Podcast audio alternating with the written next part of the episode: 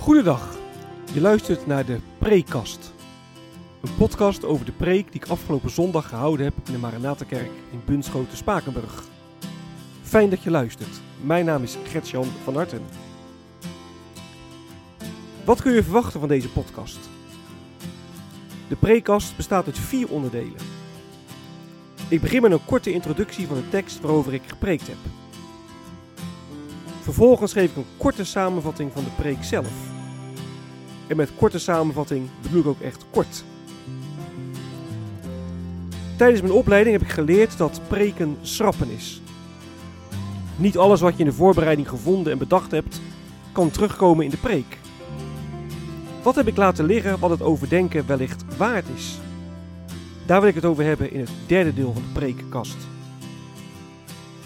En tenslotte sluit de preekkast af met een aantal verwerkingsvragen. Vragen die je kunnen helpen om de preek te overdenken en of toe te passen. Ik wens je veel luisterplezier.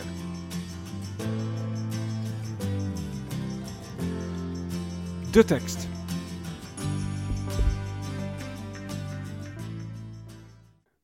De preek ging op Oudejaarsdag over Psalm 91. En Psalm 91 begint met wie in de beschutting van de Allerhoogste woont en overnacht in de schaduw van de ontzagwekkende, zegt tegen de Heere, mijn toevlucht, mijn vesting, mijn God, op u vertrouw ik. En er wordt vervolgens in de psalm bezongen hoe de Heere ons beschermt.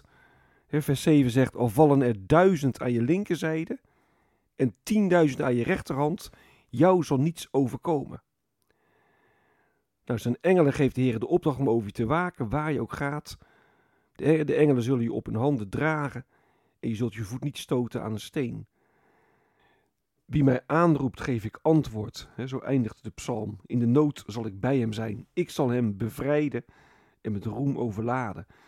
Het is een psalm waarin heel nadrukkelijk bezongen wordt dat je kunt schuilen bij de Heer, dat je bij hem veilig bent.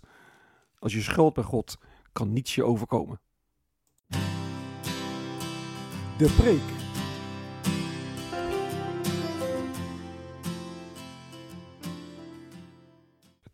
Waar zoek je het? Dat was het thema van de preek. Psalm 91 bezingt dat je mag schuilen bij de Heer. De Heer is onze toevlucht, Hij is onze vesting. Waar zoek je het? Dat was het thema van de preek. Psalm 91 bezingt dat je mag schuilen bij de Heer. Hij is onze toevlucht, Hij is onze vesting. En wanneer je op de Heere vertrouwt, dan zal niets je overkomen, zegt vers 7. De Heere redt uit alle nood. Nou, in dat vertrouwen mogen we beginnen aan een, uh, aan een nieuw jaar. je bent veilig, veilig bij de Heere. En dat is een prachtige blijdenis. Maar de Bijbel laat zien dat je deze blijdenis ook op een verkeerde manier kunt, uh, kunt gebruiken. je kunt ook op een verkeerde manier vertrouwen op Gods bescherming.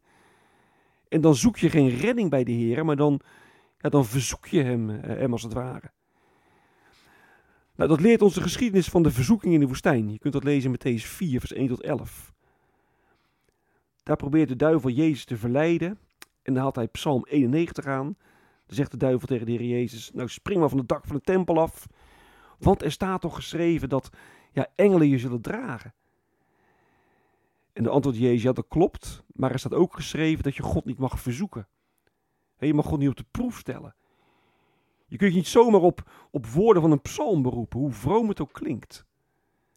Je hebt als mens ook een eigen verantwoordelijkheid. En ik heb het in de preek vergeleken met, uh, met dijken. En Nederland ligt aan de zee. Al eeuwenlang wordt ons land door, door het water bedreigd.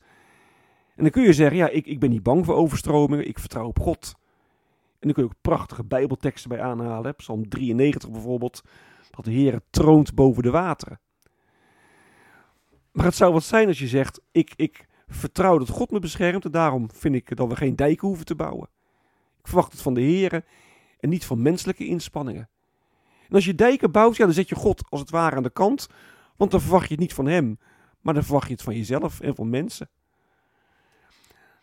Nou, ik denk dat we allemaal wel aanvoelen dat, dat je dat niet kunt zeggen. Dan, dan verzoek je God als het ware. Ja, als we geen dijken bouwen, zou het land onder water komen te staan. En dan zouden talloze mensen verdrinken. En dan zeg je niet, ja, uh, je zoekt je redding bij, bij, bij, bij Rijkswaterstaat of bij waterschappen in plaats van bij God.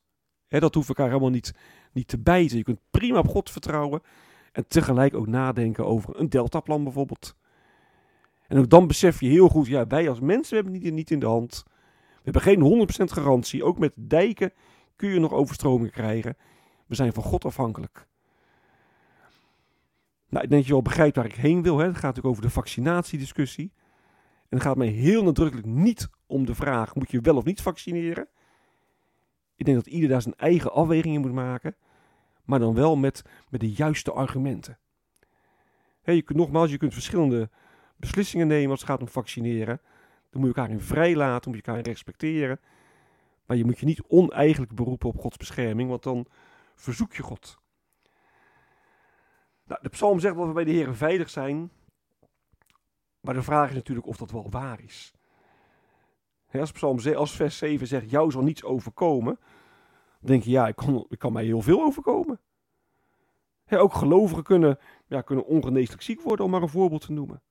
En het is natuurlijk heel mooi wat Psalm 91 zegt, maar de praktijk die, ja, die blijkt toch echt anders te zijn.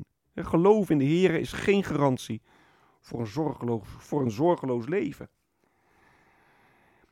En toch mogen we met Psalm 91 zeggen dat we veilig zijn bij de Heer. We zijn veilig bij de Heer dankzij Jezus Christus. sinds de zondeval ligt deze wereld onder een vloek. En die vloek die heeft Jezus op zich genomen op Golgotha. Hij ging er kapot aan, hij, hij stierf. Zo versloeg hij de duivel en stelde Jezus het recht van God. En dankzij Jezus Christus mogen wij kinderen van God zijn, kinderen waar de Heer echt liefdevol verzorgt. Als je schuld bij Jezus. En dan kan je van alles overkomen, maar ten diepste ben je onaantastbaar. Ten diepste ben je veilig. Nou, we staan op de drempel van een nieuw jaar. En dan kijk je terug op het jaar dat achter ons ligt. En je kijkt vooruit naar het jaar dat komen gaat. En we mogen dat doen in het geloof dat we bij de Here mogen schuilen. Dankzij Jezus Christus. Waar zoek je het? Redding zoeken bij God, dat is wat anders dan God verzoeken. En al lijkt de redding bij God ver te zoeken, bij Jezus Christus zul je het echt vinden. Wat is blijven liggen?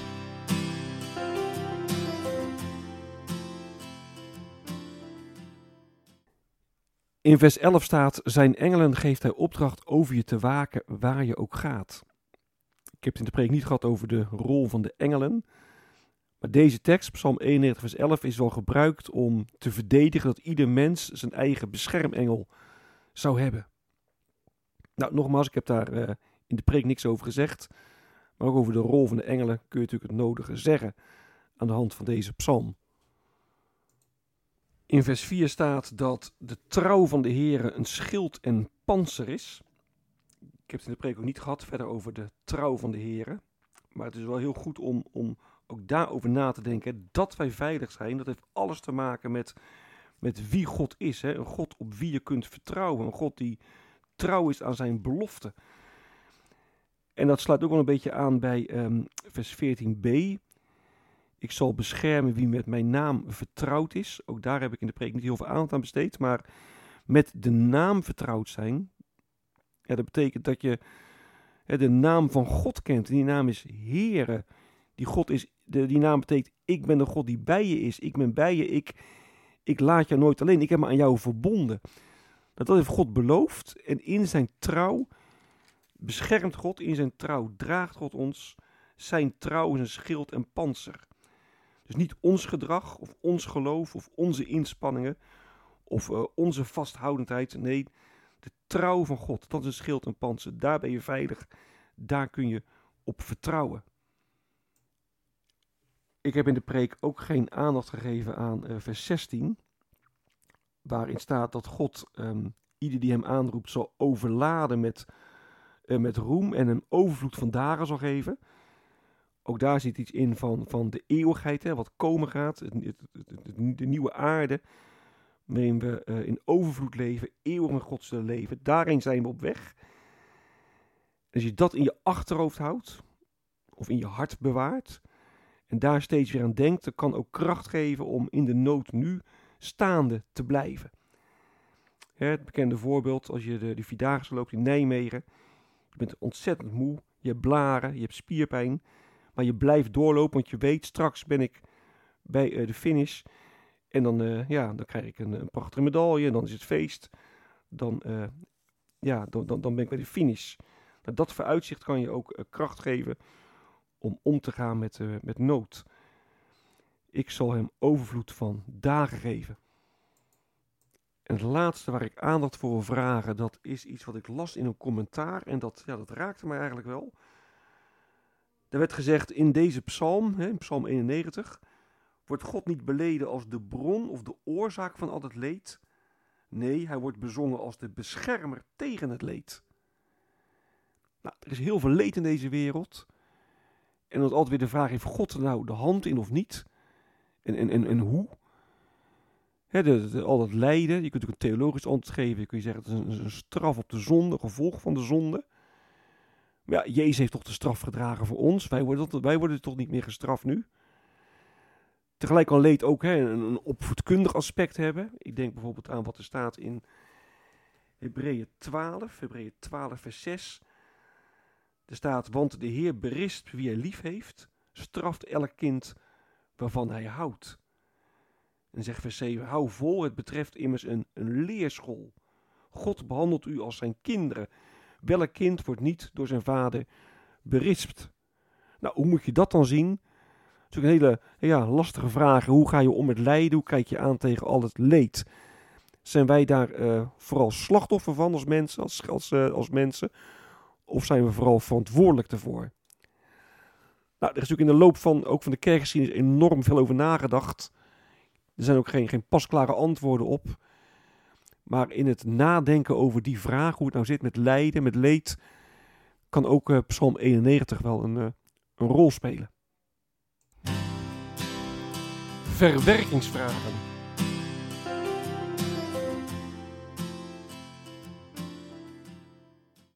Het thema van de preek was: Waar zoek je het? En ja, dan spreekt de eerste vraag natuurlijk voor de hand: Waar zoek jij het? als het gaat om redding, als het gaat om bescherming in al het leed, in alles wat je kan overkomen, waar zoek jij dan bescherming?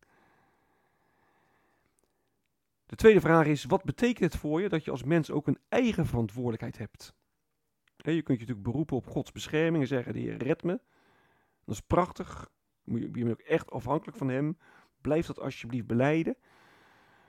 Maar wat betekent dit uh, ja, voor je eigen verantwoordelijkheid? Ik heb in de preek het voorbeeld genoemd van de dijken. Zijn echt van de Heer afhankelijk. Dat beleid ik, dat geloof ik. En tegelijk geloof ik ook dat we als mensen ook de verantwoordelijkheid hebben om uh, dijken te bouwen. Nou, hoe ga jij nou om met uh, die verhouding tussen, tussen Gods bescherming, afhankelijkheid van God en het feit dat je als mens ook een eigen verantwoordelijkheid hebt? Psalm 91 bezinkt nou, hoe goed het is om bij de Heer te schuilen. En mijn vraag is: durf je er ook echt op te vertrouwen dat je hoe dan ook veilig bent bij de Heer? En wat er ook gebeurt. Kun je inderdaad zeggen: Nou, in Christus ben ik onaantastbaar. En er kan me van alles overkomen, maar ik ben veilig, want ik vertrouw op Jezus Christus. Durf je daar echt op te vertrouwen? Kun je dat? En hoe ga je om met moeite in je, in je leven? En wat betekende die moeite voor je geloofsleven? Het brengt je dichter bij de Heer, helpt het, helpt het je om naar de Heer toe te vluchten, om echt te schuilen bij Hem? Of zorgt het juist voor afstand tussen jou en God?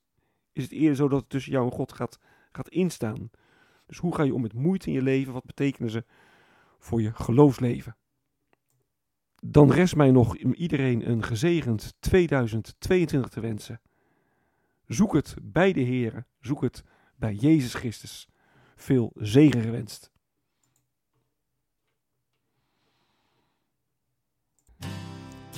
Dit is het einde van de prekast. Mocht je vragen of opmerkingen hebben, dan kun je me mailen op mailadres van hartengretjan.gmail.com. van hartengretjan.gmail.com. Ik wens je nog een hele prettige dag. Hartelijk dank voor het luisteren. En wie weet, tot een volgende keer.